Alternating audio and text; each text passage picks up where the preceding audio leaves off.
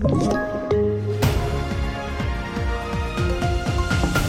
TV4-nyheterna börjar med EU-toppmötet i Bryssel som inte kom med några besked om nya sanktioner mot Ryssland. Hårdare åtgärder mot rysk gas och olja diskuteras men utmaningen är att utforma sanktionerna så att de inte slår hårdare mot EU än mot Ryssland. Och så här sa statsminister Magdalena Andersson efter mötet. Det är klart att det kommer vara fortsatta diskussioner om så alltså ytterligare sanktioner vad gäller eh, energi. Men det kommer också vara en diskussion om hur vi ska hantera de höga eh, e-, energipriserna i Europa och vilka eh, vilka möjligheter som finns att göra någonting också på europeisk nivå.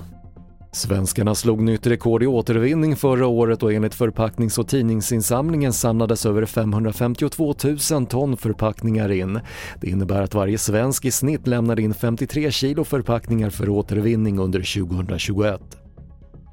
Och drömmen om fotbolls-VM lever för Sverige efter vinst över Tjeckien igår kväll. Robin Quaison som slog in 1-0 i förlängningen säger så här om vad som krävs för att vinna avgörande matchen mot Polen på tisdag. Bara göra mer mål, kämpa som vi har gjort under hela kvalet och eh, jag tror på våra chanser.